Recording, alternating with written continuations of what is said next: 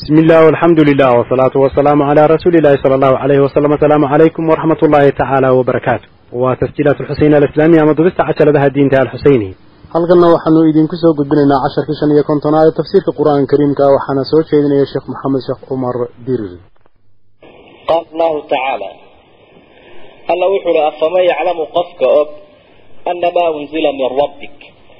Ilaahaaga xaggiisa waxa lagaga soo dejiyey oo qur'aanka alxaqu inuu yahay.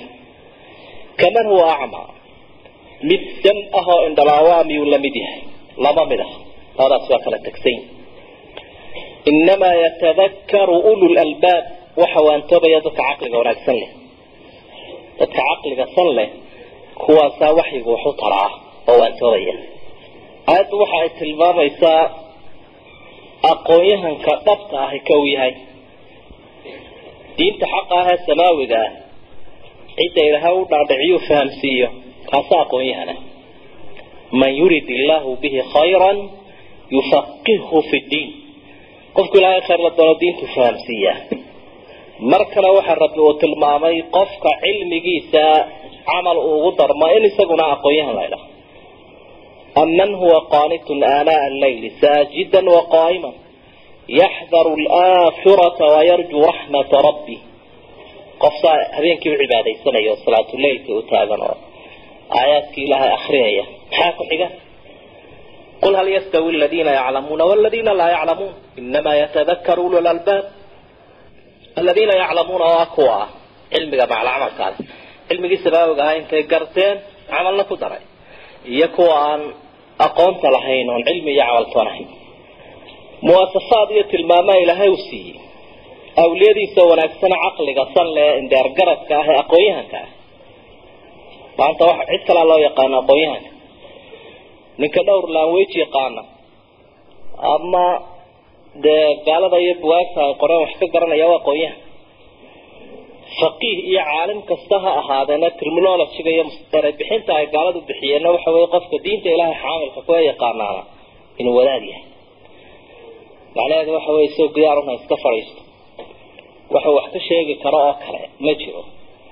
Allana waa tilmaamay qofka aqoonta dhabta le caqligiisu uu dheer yahay in dheer wax ka garanaya ka qeybka rumeeya iyadoonu ilaahay arkayn oo u caabudayo sidii wax arkay oo kale muwasafaadkooda iyo tilmaamahooda waa kuwa. Iyadoo jazaagooda iyo abaalkoodana aad arki doonto awliyada ilaahay.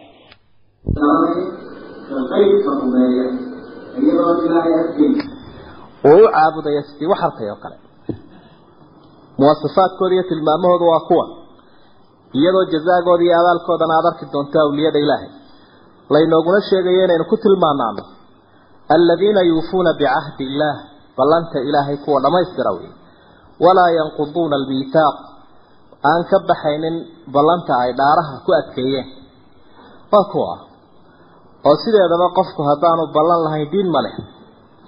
Mistaaqiyadiisi iyo shaksiyadiisii baa dhimanaya. Ballantaasuu ilaahay u qaaday iyo tuumadda u qaaday mid kastaba alcahdu waalmiithaaq oo la oofiyaa waxay sheegayaan shaksiyadda qofkay sharxayaan iyo tayada ay leedahay.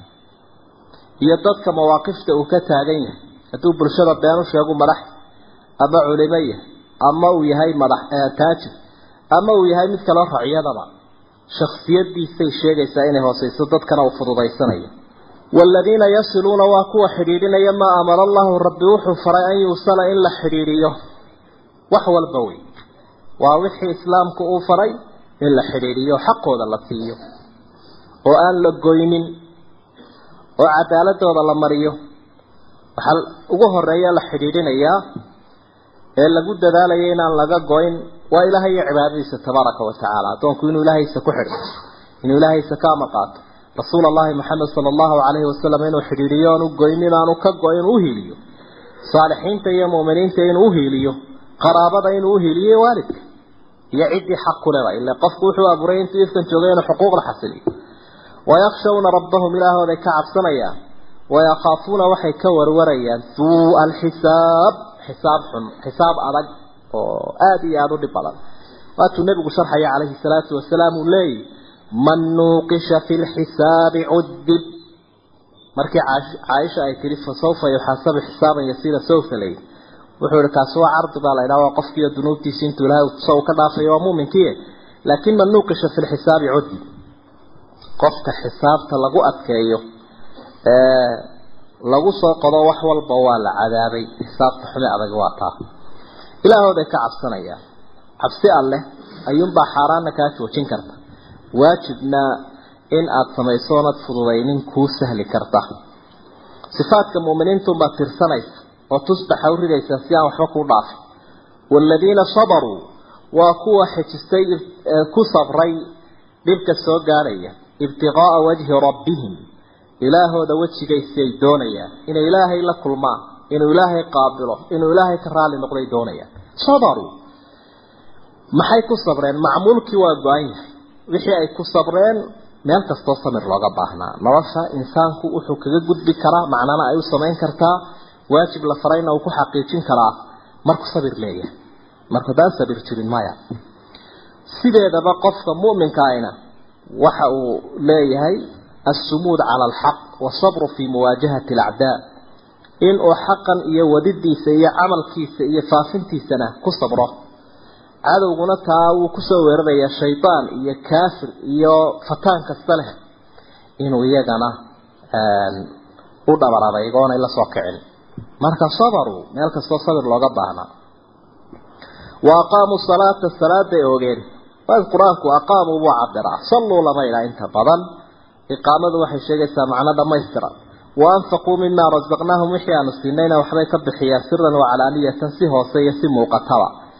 Qofku hadduu wax bixiyo labadaa midunbuu u bixin lahaa waana laga yaabaa inay kuba sii kala munaasibsayin oo meelina muujinta ay ku u baahan tahay ama ku fiican tahay meelina qarinta. Way ka xoroobeen bakhaylnimada oo dad gacantoodu furan tahay weeyo garanaya maalku inuu ammaanayo alla u dhiibay.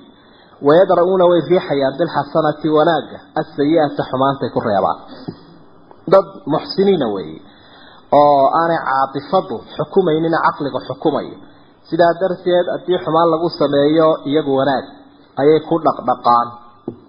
Wa atbici alxasanata sayi-a tamxuha haddii xumaani timaado wuxuunaad ku xashaa ood ku dhaqdhaqaysaa. Wanaagga ulaaika buu ilahay yihi kuwaas ulaaik. Ismu ishaaraha baciidkii wuxuu tilmaamayaa kuwa mustawahoodu sarreeya rag ka tegay dad ka tegay lahum waxa u sugnaaday cuqba daar. Daarta aakhira cidhibteeda dambe. Oo wanaagsan. Jannaatu cadnin beero sugan bay leeyihiin yadkhuluunahaa way gelayaan. Alla ku casuumaya. Waman salaxa ciddii wanaagsanaatayna way geli beeraha. Oo min aabaa'ihim wa aswaajihim wa duriyaatihim intaaba ka mid a aabbayaashood ooriyahoodii iyo ubadkoodii. Intii ka ag dhoweydna way geli doonaan salaxa waxa ay tilmaamaysaa waa dadka mu'miniinta aha camalka fiican sameeyey iyaguna. Waxaa halkaa laga fahmaya haddii ilaahay jannadan iyaga uu geliyey iyadoo ilaahay uu karaamaynayo waxa uu ku casuumayaa oo kale inuu ehelkoodii uga shafaaco aqbalo. Way u shafaaco qaadaya. Waladku waalidka wuu shafaaco qaadaya. Waalidkuna waladku wuu shafaaco qaadaya.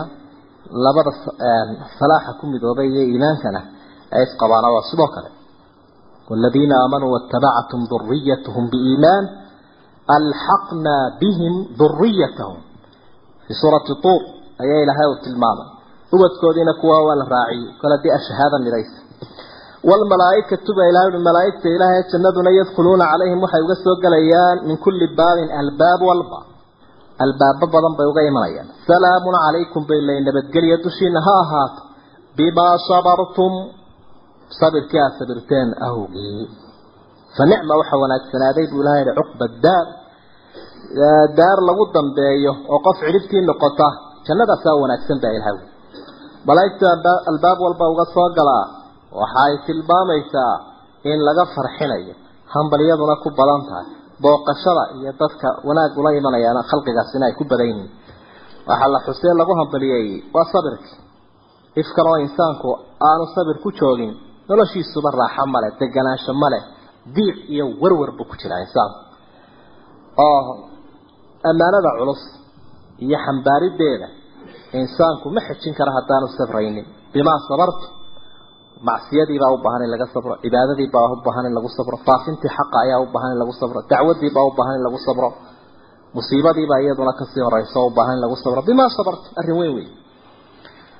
Bal kuwa kalena eeg haddaba waaladiina kuwii buu ilahay yihi yanquduuna burinayay cahd allah ilaahay ballantiisay furfurayaan min bacdi miithaaqihi intii dhaaraha lagu adkeeye kadib wayaqطacuuna waxa ay goynayaan maa amara allahu bihi wixii ilaahay uu faray an yuusala in la xidhiiriyo wayufsiduuna fi lardi dhulkana way xumaynayaan ulaa'ika kuwaa waxa u sugnaaday fogaaday ee xumaanta heerka ka gaadhay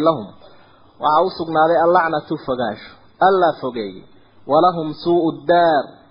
Daar xunna way leeyihiin oo naar ah. Meel hooy ah oo la rar dhigtay halka ugu liidata.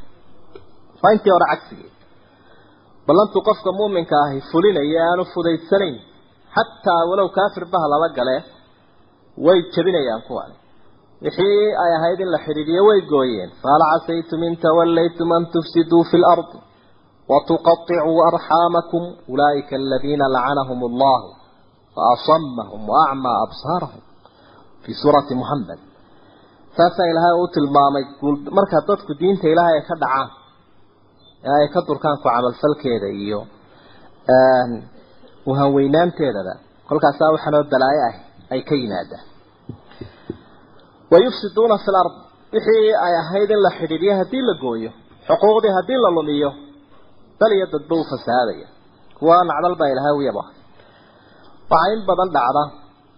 Insaanka ku kalifa xumaantan alla uga dayrinayo dunya jacayl iyo laxajeclo xumo iyo ka kordhiyo warad allah tilmaamay bal insaanka taa ka daba dhacay waajibkiina u seegay iyo xuquuqda luminteedii ugu bareeray. Halkay ka tuurayso markaasaa guuldarradu kala kulmaya ilaahay u xusay midda kale qofkani waxaan u garanin in waxaan ay sii qorshaysnaayeen ilaahayna gacantiisa ay ku jiraan. Allahu ilaahay yabsudu risqa arsaaqada wuu u fidiyaa u ballaadhinayaa liman yashaau cidduu doono wayaqdir waa cidhiidhiyaya ay calaa man yashaa cidduu doonana wuu ku yaraynayaa taa horta inuu qofku ogaado wey yaa bixiya ilaahay. Inkastuu gucleeyaba insaanku haddana uu gaaloobaba waxaan ilaahay u qadarin ma heli karayo. Idan dhinac xunaha u dhagaroobi wa farixuu waxa ay ku mafsuudeen la dhaceen bilxayaati dunyaa noloshan adduunyada iyo helideeda wama alxayaatu dunyaa nolosha adduunyaduna may ahaanin. Fi laakhirati aakhira marka la barbar dhigo ilaa mataac waa wax yaroo lagu raaxaysto la isaga dambeeyo. Waa run wey adduunyaday ku faraxsan. Gaaladu waxay isku dayaan. Wixii rawxaaniyaadka iyo dikriga ilaahay iyo iimaanka laga heli lahaa ee macaan ahaa ee ruuxi ay ku nasan lahayd inay ka helaan adduunyada iyo cunideeda iyo maalkeeda iyo madaxtinimadeeda iyo dalxiiskeeda inay ku helaan bay iska ayay in badan ku dadaalaan. Laakinahum laa yajiduuna min dalika kulli. Kamana helaan. Dabeetana waa kuwa warwar iyo diiqun ku nool. Cudurada kala duwanna ay soo gaadhaan ay ku dhacaan. Ilaahay baa waxa uu tilmaamay in kastaba insaanku dhadhan ha ku hayatane aakhiro marka loo eego nicmada ku dambaysa waa mataac. Mataac waa shay aad iyo dhadhamisoo dabeedna la ysaga dambeeyey. Wayaquulu aladiina kafaruu kuwii gaaloobay waxay leeyihiin lowlaa unzila calayhi miyaa lagu soo dejiye moxamed aayatun min rabbi. Aayad ilaahaysa xaggiisa ka timi. Waa hiifitaan. Nebiga ay ku hiifayaan oo ay leeyihiin maad mucjiso keentay. Mucjisooyin badan u lahaa nebigu calayhi salaatu wasalaam ambiyada ugu mucjisaad badan wey laakiin qul waxaad tidhahdaa ina allaha yudilu man yashaa. Ilaahay wuu ambinayaa ciduu doono. Wayahdi ilayhi xaggiisa wuxuu u soo hanuuninayaa man anaab. Cidda towbad keenta sababaha lagu helayo hanuunka waa inaad ilaahay u soo noqoto oo aada ogaato hidaayada dhamayska tiran inuu isagu bixiyo. Wayahdi ilayhi man anaab. Wuxuu hanuuninayaa cidda towbad keentay xaggiisa u soo noqonaysa aladiina wahum aladiina waana kuwii aamanuu alla rumeeyey watadma-inu ay xasilayso quluubuhum qalbiyaashoodu bidikri illaah ilaahay xuskiisay ku xasilaysa. Alaa hooyaay bidikri illaahi ilaahay xuskiisa ayay tadma-inu alquluub ayay qalbiyaashu ku degaan. Kuwaase qalbigooda ku degaya. Muwasafaadka muuminiinta waxa weeyaan meesha meesha ay ku nastaan ku warwar beelaan waa dikriga ilaahay ilaahay xuskiisa nabigu calayhi salaatu wasalaam aada buu u dhiirigeliyey. Alla xuskiisa inuu insaanku badiyo. Qofka muuminka inuu aada u badiyo. Ilaahay oo la xusaana ama dikrigiisuna waxa uu noqonayaa wixii addoonka laga abaalinayo. Qur'aankan kariimkaa iyo akrintiisa macnihiisoo la dhugto istikfaartii tawbadii adkaarta kale ee tasbiix iyo xamdi iyo tahliilba leh saligii nabiga calayhi salaatu wasalaam dacwadda iyo cilmiga kullu dalik astaanta dadka mu'miniinta ah ay leeyihiin waxa weeye ruuxdooda waxa raashin u ah sida dee jidhkuba uu raashin u qaato dikriga ilaahay إنما المؤمنون الذين إذا ذكر الله وجلت قلوبهم وإذا توليت عليهم آياته زادتهم إيمانا زادتهم إيمانا وحيدا مركا لقد الأخرى إيمان بأكر ديائنا لكن جسدكي وحو بهاي وحو عناه ruuxdiina saas oo kale u baahan tahay. Labadaa saacadood laga yaabo masaajidka inaad fadhiisanayso ama daris dhegaysanayso iyo wax khayrle baa laga yaabaa afar iyo labaatankii saacadood inay kaa dhaqdhaqi karaan ama diiftii iyo howlihii kaasoo gaaray ay ruuxdu kaga nasan karto. Aladiina aamanuu dadka la rumeeyey wa camiluu saalixaati camalka fiican la falay duubaa lahum wanaag bay leeyihiin wa xusnu ma-aab iyo meel loo noqdoo fiican. Dadka ilaahay rumeeyey camal fiicanna ku daray arrin weyn weeye qur'aankuna aad buu labadaa isu raacaya. Mana kala hadhi karaan liannahu iimaanku waxa weeyaan waa geed soo baxayo midhaha uu bixinayaana waa camalka saalixa ah camalkii saalixa ah wey iimaanka qofku waa qallalan yahay haddaanu camal lahayn. Waa qawlun waa camal wey saasuu nasku isu raacinayaa mar walba. Camal weliba tayalahoo fiican oo tirsi tirsiisan galo oo saalixaad duuba jannana waa lagu tilmaamaa wanaag iyo barako ay helayaan ilaahay xaggiisa ka helayaanna waa lagu xusayaa. Khayr oo dhan bay leeyihiin kadalika baa ilahay uli sidaa nebi maxamedow rususha hore aanu u dirnay arsalnaaka fii ummatin ummad baanu kuu dirnay. Waa ummadan ummatu dacwa laydhaa ummadaasoo qad khalat min qablihaa umam. Ummado ka horreeyey baa tegey. Ummado ka horreeyey. Ummadaadan baa jiray oo iyagana rusul loo diray loona waxyoon jiray. Taasi waxay tilmaamaysaa caddaynaysaa waxa adiga laguu diida ama risaaladaada laga murmaa ma jiro. Qul maa kuntu bidcan min arusul rususha umaad horreynine ummado badan iyo rusul badan oo dadkan kaasoo horjeestaday ay rumaysan yihiin baa jira. Taasi waxay u markhaati kacaysaa risaaladaada. Litatluwa calayhim si aada ugu dul akhrido ummadan alladii awxaynaa ilayk.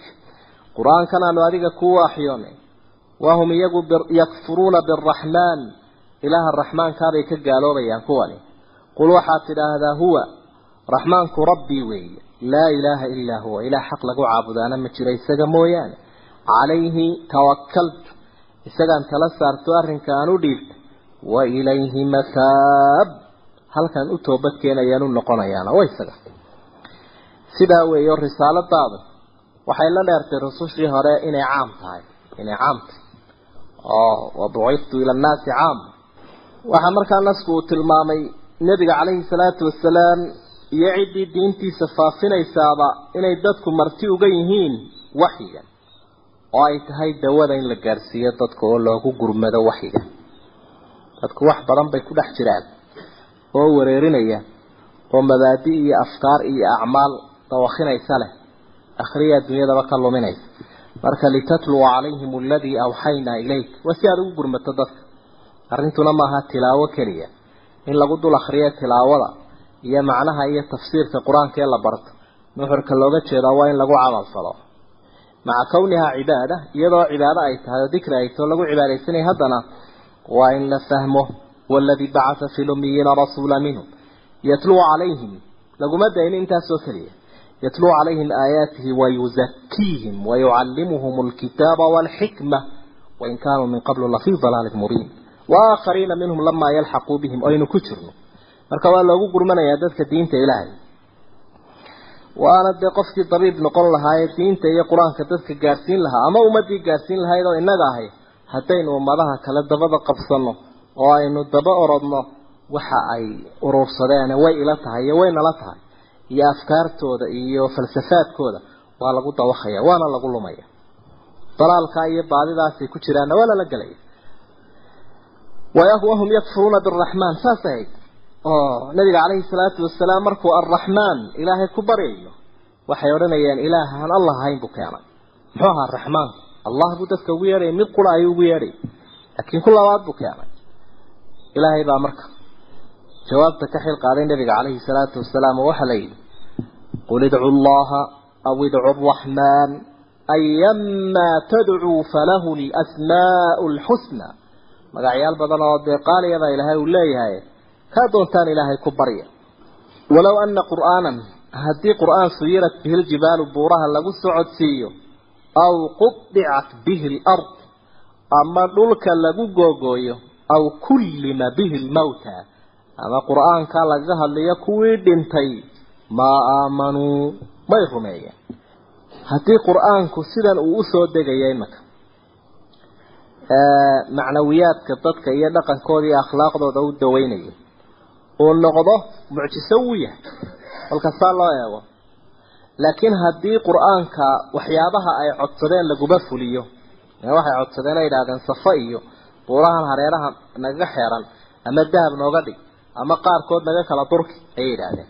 Haddaba intood aayaad akrida un iyadoo la doonayo in la fuliyo mucjisaadka ay codsadeen in la helo haddii sidaasi ay dhacdo buuraha ay dhaqaaqaan ama dhulkiigu googo-o ama intood aayadun ku dul akrido kuwii dhintay ay soo baxaan sidii nebi ciiseba calayhi salaam ilaahay u sahlay.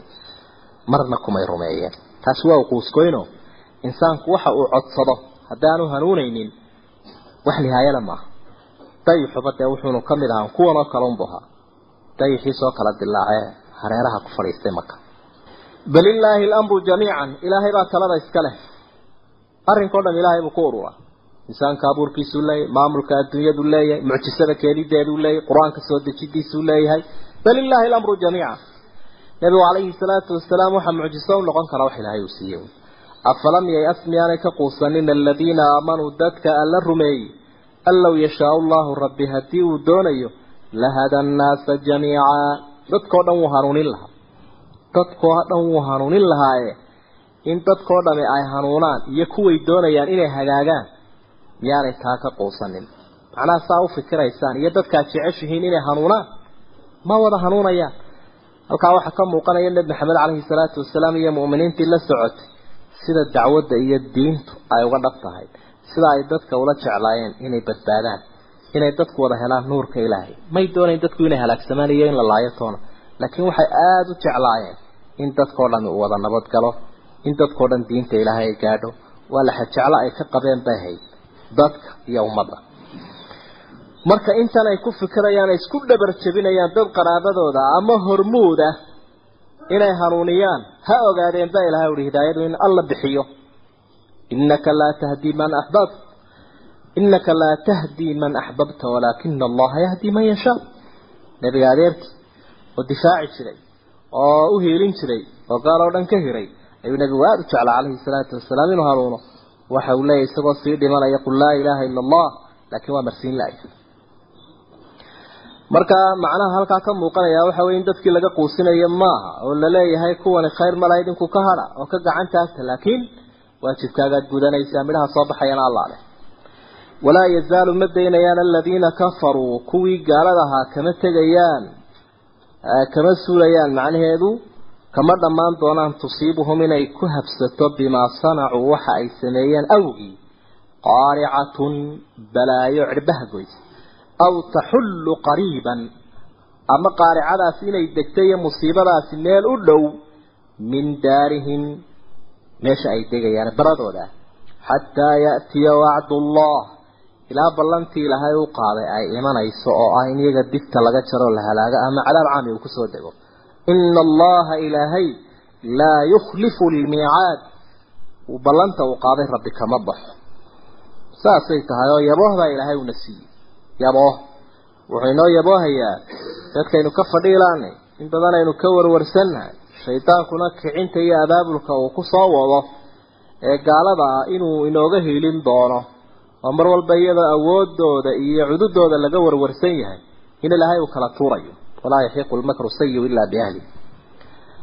Mukhadadaadkooda iyo istaraatiijiyadaha mustaqbalka ay dhigtaan iyagu haddii ay u fulayaan muslimiin iyo islaamtoona waxba kama hadheen laakiin ballanqaadkan ilaahay baa jiro ah dadku iyagoo khaldan dadku iyagoo aan alla ku toosnayn diintiisa ayaa haddana ilaahay fadligiisa waxa uu ugu hiilinayaa dadka ballanqaadkiisa. Walaa yazaalu aladiina kafaruu tusiibuhum bima sanacuu qaarica. Ayaddu waa markii waa intii aan la amrinba jihaadka nabiga caleyhi salaatu wasalaam iyo muuminiinta qaaricadaas waa balaayo dhakadiiyo wadnahaba ka garaacdoo dawaxisa kolba meel aanay wax ka filayn ay wax kaga soo baxaan.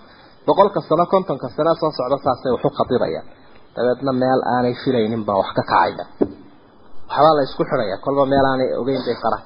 Marka maanta haddee wax badan isku hagaajisteen bishaaraday haysanaa waxa weeye inuu ilahayna qaaricadiisaa diyaaru la yimi aw taxullu qariiban ama musiibadii aan kuba dhacayna laakiin ku soo dhawaanaysa oo meel guryahooda ka agdhow. Musiibadaasina nooc kastay noqon karta musiibo dabiici ay noqon kartaa mid ilaahay muslimiinta uu kaa keenaaday noqon kartaa mid iyaga dhexdooda ka dilaacday noqon kartaa waxoo dhanba aw taxullu qariiban in ficilku uu khitaab yahayna waa suuragal oo ay tahay aw amase taxullu aada degta nebi maxamedow ama qaarica ku dhici aw taxullu qariiban min daarihim ama adigaaba kuurka iyo kambalka u soo fadhiisan doona. Aayaddu waxay sii tilmaamaysaa in jihaad la fari doono nebiga caleyhi salaatu wasalaam dabeetana intuu kuwa noocana laga fadhiyi lahayo weerar ku soo hinjiyo ayuu kambalkooda soo fadhiisan doonaa. Waanay dhacday.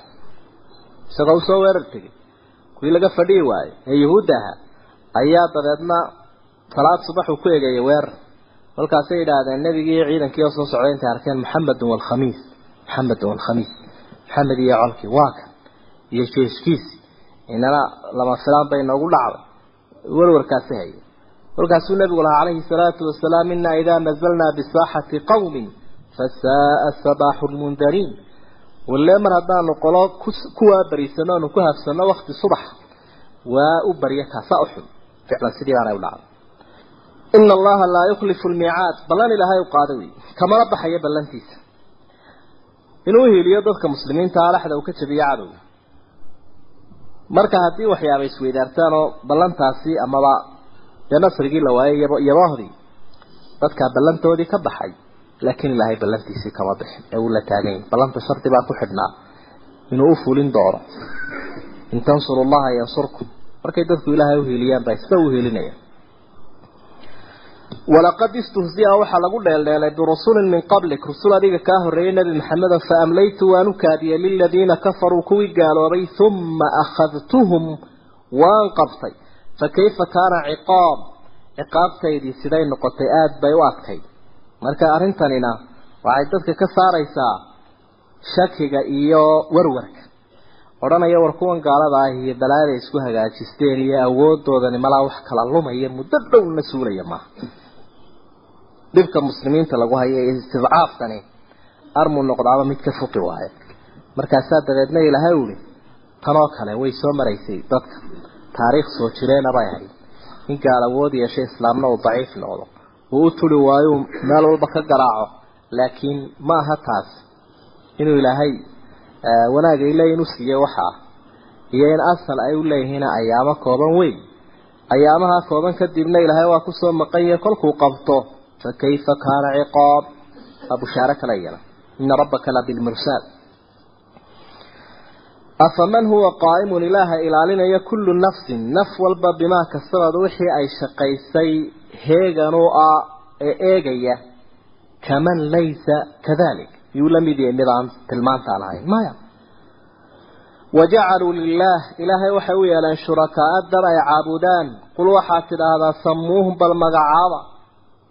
samuuhum magacaaba leh.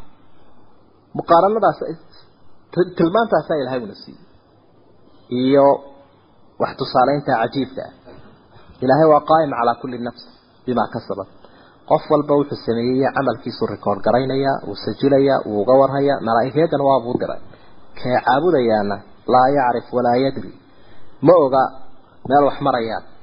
Haddaba bal kuwa noocaasay magacaabeen kuwa noocaasay ilaahay la caabudeen ay samaysteen magacaaba dheh. Maxay yihiin talow dee waa la magacaabaya waxay noqon doonaan allaata waalcuza wamanaata athaalisata alukhra kuwaasay noqon doonaan oo la yaqaano waxay yihiin. Alla waxa uhi am tunabbi'uunahu? Ma waxaa ilaahay warramaysaan bimaa laa yaclamu waxaanu ku ogeyn fil ardi dhulka am bidaahirin min alqowl bal bidaahirin min alqowl waa hadal muuqda uunoo aan sii hoosaynin muuqaalka ah haddii aad sheegteen ilaahayaal ma ilaahaanu ogeyn rabbi ayaa ka jira caalamka. Waxaanu ogeyn baa soo daahiray oo jira miyaa maya ilaahay kownkiisa uu abuurta wuu ka warhayaa ilaah kaloo xaqi kama jiro. Waxaase laakiin ay odhanayaan waa bidaahiri min alqowl waa hadal af laga yidhi. Hadal si hooseeyo xaqiiqale maaha bal zuyina waxaa loo qurxiyey liladiina kafaruu kuwii gaaloobay makruhum shirqoolkooda wasuduu cani sabiil jidkii xaq ahaana waa laga duway. Waman yudlil illaahu ka ilaahay u ambiye famaa lahu min haad. Wax hanuuninayaa ma jiro. Alla saasuu xusay tabaaraka wa tacaala bal zuyina liladiina kafaruu makruhum. Waxa u qurxiyey shaydaan oo way la dhacsayin aad bay ugu faraxsan yihiin wax kastoo ay fulinayaanoo faasida. Jidkii xaq ahaana wuu ka dhababay alam tara anna arsalna shayaaiina cala alkaafiriina ta'uzuhum azza kicin iyo abaabul bay ku samaynaysaa xagga sharka. Lahum waxa u sugnaaday kufaarta cadaabun cadaab kulul bay leeyihiin fi lxayaati addunya noloshan ifka dhexdeeda. Wala cadaabu alaakhira aakhira cadaabkeedu ashaqu mid ka sii guuldaro badan weeye oo ka sii dhibaataiyo halaag badan.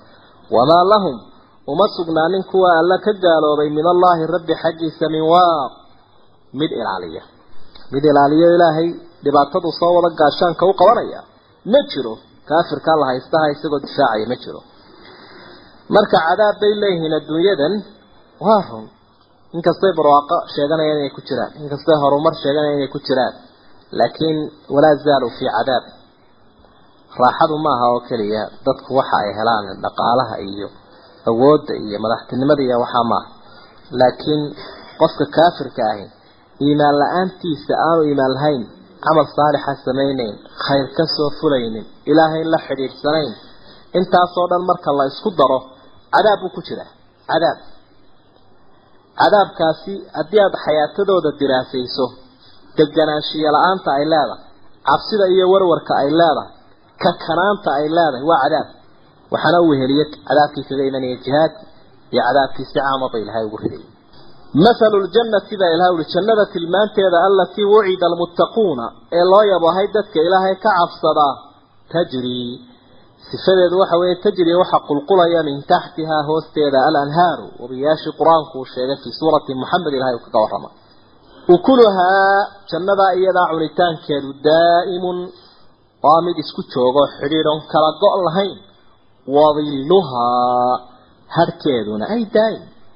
isnama kala go'ayo tilka taasi cuqba aladiina itaqow dadka ilaahay ka cabsada cidhibtooda wey shayga shayga kaydka u ah raasamaalka u ah ee ay helayaan waa jannadaa wa cuqba alkaafiriin.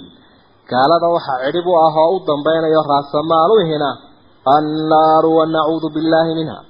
Markaa masalkaasi waa sifada ay jannadaasi leedahay.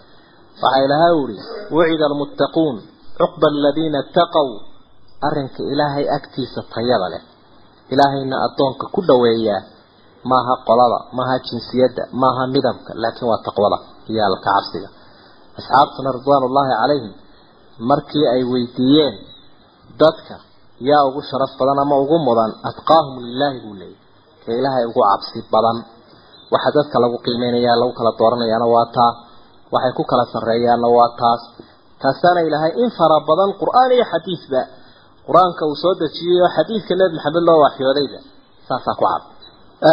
Sidaasaa marka ilaahay uli ukuluhaa daa'im wadiluhaa adduunyada waxa aynu ku haynee la cunaye la cabaye nicmo ahe loo ordayo dadu waa shayga jihaad ugu jiro.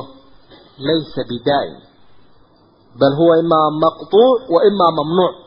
Waxaa halkan lagu hayaa ama waa wax la kala go'aya ama waa wax la isu diidayo laakiin halkaa ma jirto duruufta noocani duruufta qoraxda iyo kulaylka isna ma jiro ilaahay baa xaqaa'iqeeda inoo sheegay halkaynu wardi laha inaynu u camal falayno waaladiina aataynaahum lkitaaba kuwaanu kitaabka siinay buu lahay yafraxuuna waxay ku farxayaan bimaa unzila ilayk qur'aanka lagugu soo dejiyey wa min alaxzaabi gaashaanbuurta gaalada waxaa ka mid a man yunkiru bacdah barkii mid diidaya qul waxaad tidhaahdaa innamaa umirtu aniga waxa la ifaray an acbuda allaha inaan ilaahay keligii caabudo walaa ushrika bihi aanan la caabudin wax kalena. Ilayhi adcuu keligii baan dadka ugu yeedhayaa ilaahay. Dadoo ilaahay u kaalaya oo caabuda wa ilayhi ma-aab halkaan u noqonayaana een hortegaya isaga ay abaalmarin doona xisaabinaya marka kuwa ilaahay uu sifeeye weli kuwaanu kitaabka siinay qur'aanka soo degaya way ku faraxsan yihiin. Asxaabtii nebiga ka kow ridwaanullaahi calayhim. Aada bay qur'aanka u jeclaayeen inay kororsadaan manuu dhaafi jirin mid ka midana waktigiisa kuma luman jirin meel kale. Iyadoo nebi maxamed ag taga mooyaane calayhi salaatu wasalaam kuwa oo kitaabka la siiyeyna waa kan wey isagaa iska soo dabadegaya aada bay u farxay halka munaafiqiintu aayaadka iska soo degaya suuradda ay ka naxayaan. Yaxsabuuna kulla sayxatin calayhim. Kuwa kale marka soo geli karaana waa ahlul kitaabkii kutubtii hore la siiyey kanna way ku faraxsan yihiin waa kuwooda mu'miniinta. Gaashaanbuur baa ilaahay uu tilmaamay cidda qur'aanka ka gaalowdoo dhami waa gaashaanbuur wey ay dhan bay ka soo wada jeedaan. Ma yunkiru bacda? Qur'aanka barhkii bay diidayaanoo ah inta ay isleeyihiin malaha meelaha qaarkooda ay ku kakan yihiin bay idinka taabanaysa. Wakadalika anzalnaahu saasaanu qur'aankii u soo dejinay xukman carabiyan isagoo ah xikmad luqada carabiga ku soo degtay isagoo ah mid xaakimahoo luqada carabiga ku soo degay isagoo ah mid aan mansuuq noqonaynine mar walba muxkama laa ya'tiihi albaatilu min bayni yadayhi walaa min khalfi tanziilun min xakiimin xamiid waxaynu xukun ka dhiganaynaa ee xaakimkayna kala saaraya waa isaga qofkii iyo sharkadii iyo qoyskii iyo dowladdiida iyo innaga iyo shisheeyaha waxayna kala saarayo ee loola noqonayaa waa isaga. Luqadan carabigana ilaahay waa ku soo dejiyey ee nuxurkeedu xambaar ballaaranya ilaahay u dooray. Walain itabacta haddaad raacdo ahwaa'ahum waxa ay rabaan bacda maa jaa-aka wixii kuu yimid dabadii oo min alcilm cilmigan kuu yimid dabadii haddaad wax kala doorato maa laka kuma sugnaanin min allah. Ilaahay xaggiisa min weliyin wax kuu hiiliya walaa waaqin. Iyo wax ku ilaaliya toona. Weli wax dhibaatada kaa hor joogsada. Waaqiguna waa mid gaashaan kuu noqdo layya waxba la yeeli kari maayo. Marka wakadalika anzalnahu xukman carabiyan. Qur'aankan inuu yahay ka xaakimka ah ee ilaahay ugu talagalay dad inuu kala hago. Ay waxa faa'iideynaysa in lafdiga taa looga jeedo. Walain itabacta ahwaahum baa qur'aanku waa kaad raaci lahay waa kii idinkala xukumi lahaa. Dad badan baa marka waxa ay wadaan wax kaloo isaga ka soo horjeeda oo ilaahay uu bixiyey alhawa. Wixii qur'aanka looga baylaaba waa alhawa. Marka goodigaasaa dhaco nabiga waxaa la yidhi kani waa cilmi waa xikmad kuu timi wax kale haddaad raacda ilaahay wuu ku haystaa. Cidina kaaga hiilin mayso rasuulku sala allahu calayhi wasalam maba raacin wax kaleba laakiin macnuhu waxa weeye kol haddii nebi maxamed taa loo diiday cid kale loo ogolaan maayo. Marka halkaa ka caddi waxa weeye dadku markay diinta ilaahay raacayaan wax waliba waa iska cadiyiin way u dhab yaryihiin way ku kala bixi karaan. Laakiin wixii kale u noqdaan waa alhawa hawana waa taqaanaa sabaat iyo qaraar ma leh. Marna waqooyi bay u dhacdaa dabayshu marna koonfur iyo galbeed ba u dhacda kolba dhan baa kaa haysa. Beri buu isbedelayaa qofku si kaleu noqonaya. Marka xeerarka iyo qawaaniinta wadciga iyo nidaamyada la dejistay dawaq bay ku dambeeyaan. Tusaalaha ugu fiican aynu qaadan karnaana waa ka maanta innaga ayna haysta. Dadku way isxariifiyeenoo diintii ilaahayna way ka tegeen xeer soomaaligiina way ka tegeenoo dimuqraadiyad baynu isku daynay. Dimuqraadiyaddiina halkay maraysa. Dee waata aad ka warwarsantihiin waxa ka soo bixi doona. Talow commissionku muxuu odhanayaa? Talow maxkamaddu maxay odhanaysa intaasaa la isweydiinaya ganacsigiiniina u xaniban guryaha dhisanayseena u xaniban oo dabeetana xarfaha la isku haysta taasina waa boqol iyo labaatan ne waa laba boqol iyo labaatan. Goormayna arki jirnay xisaab ilaa heerkan isugeynteeda iyo murankeeda iyo jaafaajirkeeda heerkan. Waa meelaha xisaabta laga bilaabay ciyaalka kuwa ugu yaryara ibtidaa'iga. Madaariska ayaa lagu dhigaa meelaha la isku haysta imaka jamicii baa khaldan iyo maya wuu saxan yahay kada wa kada waxa fiiha laaqiya bay odhan jireen soomaalida markay halkaa fahmi waayaan maxabaa ku sii ah. Nin baa inankiisiibuu la hadlaa wuxuu yihi waxaad ku socotaa taladaada fuudkeedii aad cabaysa aabbay maqli weyde taladaada fuudkeedii waa kaas buuri cab marka dimuqraadiyaddii caanteynka ahayda aynu america iyo qarbiga ka soo waalidnay waa taa bihi buhu u celisay. Halkaa maanta maraysa.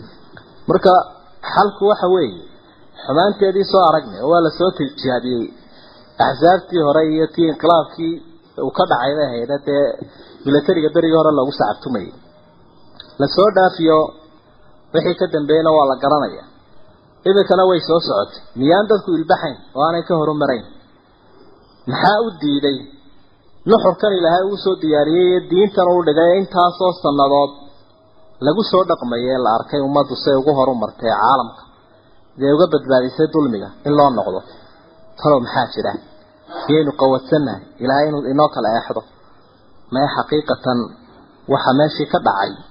Khoofkaa nas buu tilmaamaya iyo alhawa oo la soo waarido la soo amaamudo meelo kale laga keenay oo aynu dad daba soconno.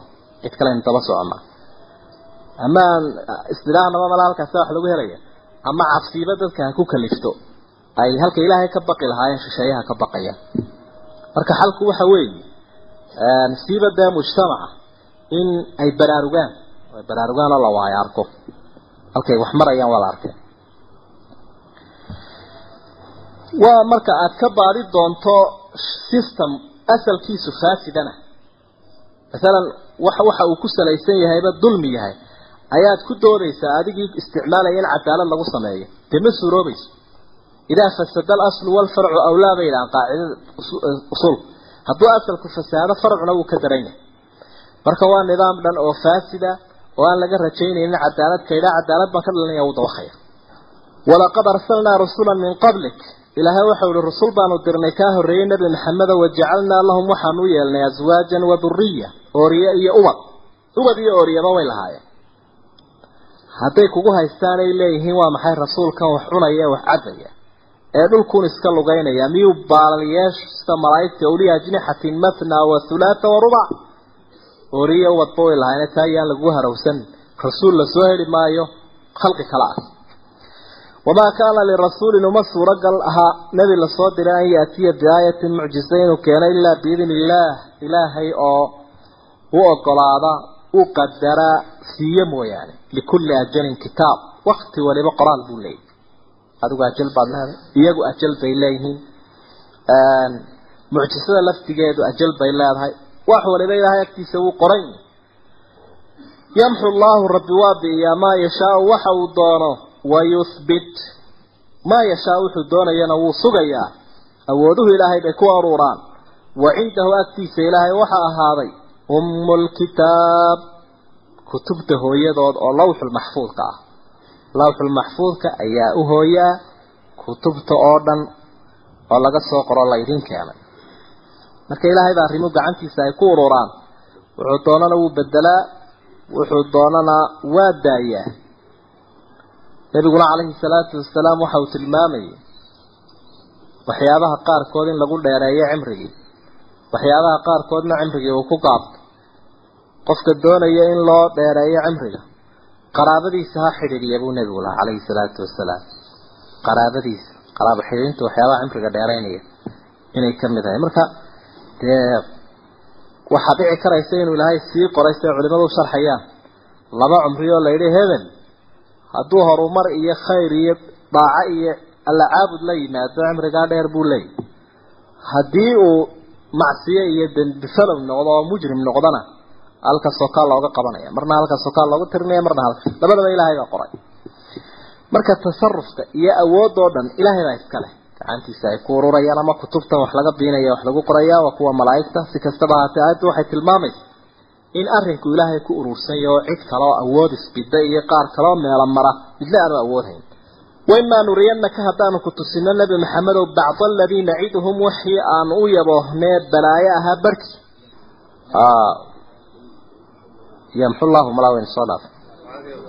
Yamxu llahu maa yashaa wayuhbit yamxu llahu ilaahay wuu tiraa maa yashaa wuxuu doono. Wayuhbitu maa yashaa wuxuu doonayana wuu sugayaa waataynu sharxaynay waimaa nuriyannaka haddii aanu ku tusino bacda aladii naciduhum kii aanu u yaboohnay qaarkii balaayadaanu u yaboohnay qaarkii aw natawafayannak ama aanu ku oofsano aanu ifka kaa kaxayno intii aanu kuba dhicinba wixii aanu u yaboohnay fa inamaa calayka albalaaq waxa dushaada ahaaday uun gaarsiin oo calayna alxisaab annaguna inaanu xisaabino macnaha ayadda ay bayaaminaysaa waxa way kollayba kaa ilaahay u haya ninka ilaahay ka sii jeestay kollayba ilaahayna waa ku maqan yahay mana gafayo laba midun bay noqon. Inaad aragto ishaadu ay ku qabowsato iyo in lagu oofsado adigoon aragoo adigu ay tay inaad waajibkaagii gudatay isagana aada aakhiro arki doonto waxa ku dhaca. Awalam yara awalam yarow miyaanay arkaynin baa ilaahay uhi aanay u fiirsanaynin annaa anagu na'ti alard dhulkii inaanu u imanayna nanqusuhaa anagoo ka soo yaraynayna min atraafiha koonayaasheeda. Koonayaasha ayuu dhulkii ka soo yaraanaya qaarkood baa culimada mucaasiriinta iskuba dayay daahirkeeda inay qaataan oo dhulka laftiisa isbeddel ku dhacayaabay oo adduunyadu say berigii hore ahayd. Wax badan baa iska bedelaya tilmaami kara in qiyaamaduba ay soo dhawaatay in calaamaadka qiyaamada ay ka mid oo dhulkiiba waqooyi iyo koonfur ka soo yaraada. Oo dhulnimadiisa ay baabado bada u bataan oo wax badan iska bedelaan laakiin mufasiriin alqudaama waxa ay ku fasiraan dhulkii gaaladu ay haysteen isla markaana ay tirsanayeen miyaanay arkaynin inuu ka sii farabaxayo oo dadka muslimiinta ah ay ku faafayaan nuurka islaamkuna uu gaadhayo maxay u baraarugi waayeen? Diintii ilaahay horu martay islahaayeen way idinka hakanaysaa way joogsanaysaa. Miyay soo hanuunaan? Nanqusuhaa min atraafiha. Dhulkii cadowgaa soo yaraan doona ficlan waana iska tahay oo inkastoo iyagu maanta isbaahinayaan. Haddana waxaynu rajaynaynaa islaamka iyo muslimiintu inay ku bataan ay ka soo baxaan dhulka ay joogaanba laftiisa. Iyagoo dadka maanta u cagajuglaynaya oo harawsanaya ayaa haddana kam wa kam intee oo muslimiina ayaa waddamada gaalada ka soo baxaya oo islaamaya oo diintii fahmaya oo baraarugaya. Boosaaqa xumaanta ay wadaan awgeed ku baraarugaya aad bay u badantay wallaahu yaxkumu ilaahay waa xukumaa waa go'aamiyaa wax walba laa mucaqiba lixukmi xukumkiisa wax ka daba iman karaana ma jiro. Saasay. Insaanku arrimaha uu marayo kolka leego mukhayar kumahe musayar buu ku yihi goortuu ilaahay doono ayuu dilaya goortuu doono ayuu cisaynaya goortuu doono ayuu dulaynaya yaxkumu laa mucaqiba lixukm. Nasriguu awliyadiisa u xukumaya cadowguu adhaxda ka jebinaya. Wa huwa sariicu lxisaab. Ilaahay xisaabtiisuna waa degdegaysaa oo dhibkuma laha qiyaama markuu kuwan xisaabinaya waqad makara aladiina kuwii way shirqooleen min qablihim kuwan ka horreeyey falilaahi lmakru jamiican makriga ilaahay baa iska leh sida uu dhan yahay makriga cid waxyeele adhaxda ka jebiyeen la iska filayni waa ka ilaahay intay wax malluuqayaan ee iyagu ay wax hindisayaan ilaahay makrigiisiina waa socdaa meelaanay ka filayn baa ilaahay kolba uu kaga soo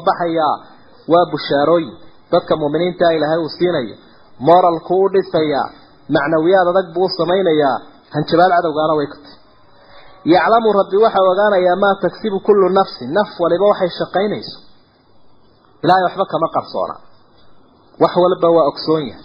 Cid walbana camalkeedii diyaar buu leeyahy wasayaclamu lkufaar gaaladu waxay ogaan doonaan liman cuqba daar daarta aakhiro cidhibteeda wanaagsan cidda leh. Ma iyaga mise waa muminiinta waa muminiinta wey wayaquulu aladiina kafaruu kuwii gaaloobay waxay yidhaahdeen lasta mursalan maxamedow laguma soo dirin bay yidhahdeen oo rasuul la soo diray. Ma ihid subxaana allah qul waxaad tidhahdaa kafaa billaah ilaahay baa iigu filan markhaati kafaa billaah allah ku filan shahiidan markhaati baynii wa baynakum. Aniga iyo idinka. Markhaati ilaahay baa inoogu filan.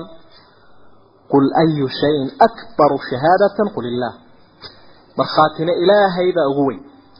Waman cindahu cilmu lkitaab qofka agtiisa uu yahay kitaabka ogaanshihiisuna ee cilmi kitaabka ka haystaana markhaati waa igu filan ilahay baa markhaati igu filan. Waxaa kaloo markhaatiya kutubtii lagu soo dejiyay dadka cilmiga ka haysta. Sida asxaabtii ka islaamay qoladii yahuudaha iyo kuwii ka islaamay nasaarada ee u markhaati furayay nebi maxamed caleyhi salaatu wasalaam iyo qur'aankan ilahay uu ku soo dejiyey waman cindahu cilmu lkitaab kutubtii hore ama kitaabka lawxulmaxfuudkaa cilmigiisa cidda haysa oo dee qur'aankan kariimka akriyaya iyo cilmiga samaawiga. Suuratu ibraahim iyaduna waa qur'aanka madaniga ah aayadaheedu waa labiyo konton suuraddii afariyo tobnaad wey kama foga siday u hadlaysay suuradda hore iyo ta dambeba isku habbay u socdaan qur'aanka ku soo degay had iyo jeer. Maka waa asaaska insaanka la doonayo inuu xaqiijiyo caqiidada wanaagsana inay daliiladeeda muujiyaan aayaad tansiiliya iyo qaar kowniyaba iyaga oo ku saldhigaya. Waxa ay suuraddu aada ugu nuuxnuuxsanaysaa oo ay tilmaami doontaa aayaadka iyo adilada muujinaysa alla awoodiisa iyo waxdaaniyadiisa. Waxaad arki doontaa in badan iyadoo ka waramaysa dadka guuldaradu ay ku dhacday iyo muuqaalada ay leeyihiin iyo shaydaanka faruur xidhay meeshuu kala dhacay. Bismi illaahi araxmaani araxiim aliflaam ra. Allahu aclamu bimuraadihi bidalik kitaabun weeye kani haadaa kitaab anzalnaahu ilayk. Nebi maxamed oo annagaa kugu soo dejinay baa ilahay uhi inkastoo qaar badani ay wax sheegaan annagaa kugu soo dejinay oo markhaati kugu filan. Litukhrija annaasa si aad dadka uga saarta min adulumaati gudcuryaalka gaalnimada iyo shakiga uu leeyihi ila nuuri iftiinka iimaanka si aada ugu saarto biidni rabbihim ilaahooda amarkiisa iyo ogolaanshihiisa si aada ugu saarto ilaa siraati alcasiizi alxamiid ilaaha mahadda leh. Ee in badani mahadis ee casiiska awoodda badan jidkiisa toosan ayaa qur'aanka dadka ugu hagaysa qur'aanku halkuu dadka gaarsiinaya waxa weeye ihdina siraada almustaqiim siraada aladiina ancamta calayhim. Dadkaa loo nicmeeyey jidkay mareen buu inagu hagaya haddaad doonayso tubta toosan inaad cagta saarto lagama helo mabaadi kale iyo meelo kale halka laga helaa waa qur'aankan. Litukhrija baa ilaahay uu qur'aanka u soo dejiyey si uu dadka uga saaro gudcurka marka hore dadkaa loo soo dejiyey marka labaad inuu xayaatadooda iyo noloshooda saxo. Marka saddexaad inuu masiirkooda iyo mustaqbalkooda hagaajiyo ilahayna ku xidhiidhiyo. Allahi ilaa siraadi illaahi ilaahay jidkiisa ayaa dadka ku hagaysaa qur'aanka uu ku hanuuninayaa alladii ilaahoo lahu uu sugnaaday keligii maa fi samaawaati wamaa fi lard lahaanshaha samooyinka iyo dhulka waxa ku sugan oo dhan samooyinka iyo dhulka iyo waxa ku sugan maa baa la yidhaha qayrulcaaqilkaas wuxuu tilmaamayaa dee in fara badan waxaa ka badan jin iyo ins iyo malaa'igba waxa ilaahay abuuray ee ceriya dhul sugan ayaa ka badan ilaaha isagu kownkan abuurtay ayaa u soo dejiyey kitaabkanna oo yaqaano khalqiga u abuuray ee kownkan ku dhex sugan inay u baahan yihiin kan aanay ka maarmayn oo caqligooduna kuma filla. Tijaabadooda iyo tajribada ay gaarayaanna kuma filla laakiin mustaqbalkooda iyo macaadkooda meesha u laabanayaan ka wanaajinaya wey waylun halaag lilkaafiriina kuwa gaaladaa buu sugnaaday min cadaabin shadiid cadaab kulul xaggii buu uga sugnaaday. Cadaab aada u kulul baa u sugnaaday oo ilaahay uu tilmaamay inuu weliye aladiina gaaladaasoo yastaxibuuna jeclaysanaya alxayaata addunya nolosha adduunyada cala alaakhirati bay ka dooranayaan wayasuduuna waxay dhababayaan oy dadka ka hakinayaan can sabiili illah jidkaa ilaahay ee xaqa ah ee qur'aanku uu ku hagayo wayabquunahaa ciwajan waxay doonayaan inay noqoto mid la qalloociyey diinta ilaahay inay maroorsantaabay doonayaan ulaaika kuwaa guuldarada ku dhacday fii dalaalin baciid baadi aada u fog bay ku sugan yihiin rajo ma leh mar hadday saa u howlgaleen marka adduunyada in la jeclaado lama diidana oo insaankii wuu howlgelayaa oo iyadoo qiyaamadu dhacaysaa buu nebigu farayaa dadku inay firida beeraan oo dadku inay ka maarmaan kaafirka iyo wuxuu gacanta ku hayo. Laakiin midka muuqanaya waxa weeye yastaxibuuna alxayaata addunya cala alaakhira. Aakhiray ka adduunyadoodii waxay aakhiradoodii waxay ku yidhiin adduunya aakhira wax la yidhahdaan liiska ugu jirin oonay u camalfalayn oon rumaysnayn. Adduunyadu markay sa aakhira ku dhaafisay inkaar leed wamaa arsalnaa min rasuulin rasuul maanaan soo dirin ilaa haddaanu soo dirnay bilisaani qowmihi qoladiisa luqadoodiibuu ku imanayay oo waxa wax ku fahamsiinaya waa qolada loo soo diray luqadooda liyubayina lahum si uu ugu caddeeyo waxay u baahan yihiin fayudilu allahu ilaahay waa luminayaa man yashaau cidduu doono wayahdii man yashaau cidduu doono ayuu hanuuninaya wa huwa alcasiizu alxakiim waa kii awood iyo xikmad bala ilaahay casiiz waa dee ficilku caza yacizu iyo yacazuba waa ka yimaadaa marka ilaahay waa kii qaalib aan wax la midi jirin macnaha wax la awoodi aanu jirin ama waa kii wanaagsane wax la midhi aanu jirin tabaaraka wa tacaala. Wixii uu yeelayo awooddiisuu ku yeelayaa awooddaasina maaha mid ta makhluuq oo kale bilaa xikmade ama meel aanu munaasib ahayn ku dhacaysa waa xakiim. Mid falsuubano sumaseegtalo shay walba meeshiisa dhigaya nasku markaa waxa uu tilmaamayaa wasaa'ilka ugu fiicane lagu gudbinayo dacwadda dadka lagu fahamsiinayo inay tahay hadalka. Oo dadku oo dadkuna hadalku isku fahmaa xooluhuna urta isku fahmaan baa layihi marka in dadka lala hadlo oo la wacyigeliyo oo diinta ilaahay la gaarsiiyo wasiilo kasta oo mubaaxahoo fiican. Ama qalab casriya ha ahaado oo sharka la doonayo in loo adeegsado waa lagu gaarsiinaya. Waxaa lagu gaarsiinayaa dadka khudbad waxaa lagu gaarsiinayaa wacyigelin caama diintuna waxa ay dadka ka siibataa ama ay seegaan. Marka ay noqoto mid khafiyaho laga aamuso waxaa alla yihi tabaaraka wa tacaala walaqad arsalnaa muusa. Waxaanu dirnay nebi muuse biaayaatina mucjizooyinka iyagii baanu ku dirnay an akhrij qawmak. Qoladaadii ka saar baanu ku dirnay min adulumaati gudcuryaalka ila annuuri iftiinka iimaanka u saar. Sidaasay gaaladuna dee gaalnimadu way qaybo badanta way shaki badanta laakiin islaamku waa nuurka ah waxaana weeye mid keliya. Marka sidaa adigaba lagu faray litukhrija annaasa min adulumaati ila nuur. Keligaa ma ahayne ambiyada horena waxay u halgamayeen ahayd wadakirhum baa layidhi ku waani dadka biayaami illaah maalmaha soo maray. Qur'aanku aada buu dadka ugu waaniya biayaami illaah wa biaalaa'i illaah wa bilmowt biaalaa'i illaah wa biaayaati illaah qur'aanku marka usuulu tafsiir la eego biayaami illaah waa maalmihii soo maray oo suuratu huud haddaad dib u akrido waad arki maalmaha rag soo maray iyo raggaasi waxayn iyo muuqaalkoodi mararka qaarkoodna qur'aanku waxa uu ku waaniyaa biaayaati illaahi oo adiga arkaya cir iyo dhul iyo kownka eega mararka qaarkoodna wuxuu ku waaniyaa biaayaati illaah biaalaa'i illaah ilaahay nicmooyinkiisa inay hoos u eegaan ilaha waxaan barwaaqeeyey inaanu mudnayn in basiro fa biayi aalaa'i rabbikumaa tukadibaan inna fii daalika kaa waxa ku sugan ummadaha hore aayadahooda lagu waantoobo ayaamaha soo maray wax lagu qaato la aayaatin calaamooyin waaweyn baa ugu sugan likulli sabbaarin shakuur mid sabir badan oo mahadnaq badan laba wasiyo min siyaqi lmubaalaqa facaal facuul marka labadan wasi qofka lihina waa qofka muuminka ahu ogabay qofka muuminkii marna wuu laban yahay marna dhib baa haysta marna dheef buu hayaa. Marka dhibku uu haysto waa sabaar markuu dheef helana waa shakuur. Cajaban liamri lmu'min ina amrahu kullahu khayr waa taa wey waid qaala xus markii uu yihi muuse nabigaasi liqowmihi qoladiisiibuu ku yidhi udkuruu nicmat allahi calaykum. Ilaahay nicmaduu idin siiyey xusa idan jaakum markuu idinka badbaadiyey min aali fircawna.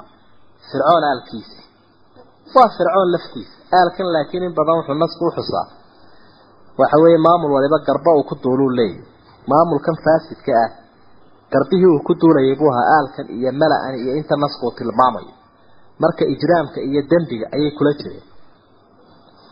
Yasuumuunakum waxay idin dhadhansiinayaan suwaal cadaabi cadaabkiisa uxun oo ubadkoo la laayo. Waxaan horaba loo arag taariikhda caalamka ayay ahayd.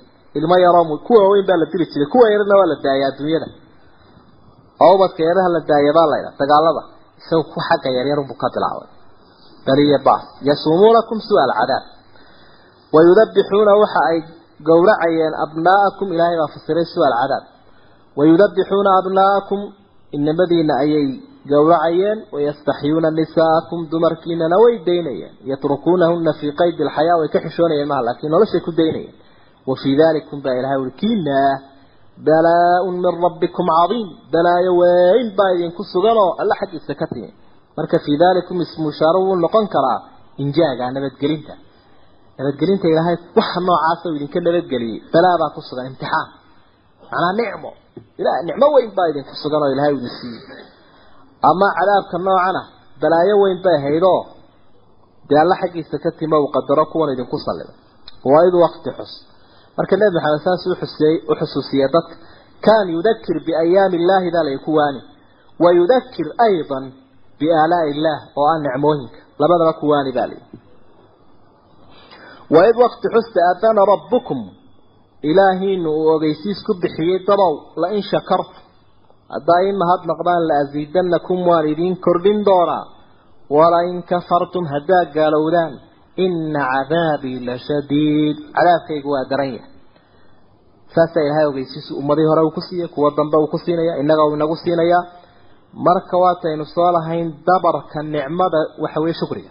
Haddaad doonaysa nicmo in la dabro waa shukriga. Shukriguna maaha qowlka oo qura ictiqaadka iyo aaminsanaanta qura. Laakiin camalna waa noqdaa. Icmaluu aala daawuuda shukraa waqaliilu min cibaadiya ashakuur lain shakartum laaziidanakum shukrigaasi nicmaduu dabrayaa dabeetana way badanaysaa way kordhaysaa haddii addoonkuu gaaloobana ilaahay cid isu xariisisay iyo cid ku kibirsa toona ma ogole ina cadaabi lashadiid halkaa hanjabaad weyn baa ka dhacda inuu araxda ka jebin doono ummaddaa waxaanay filayna ay dhici doonaan marka wax badanoo aynu karahaysata haddaynu aragno nicmadii ayaynaan kuba baraarugin shukrigeedii bayna ayaynaan la iman markaa waxaa la arkayaa aathaar almacaasi fi xayaati alfardi walmujtamac allahu aclam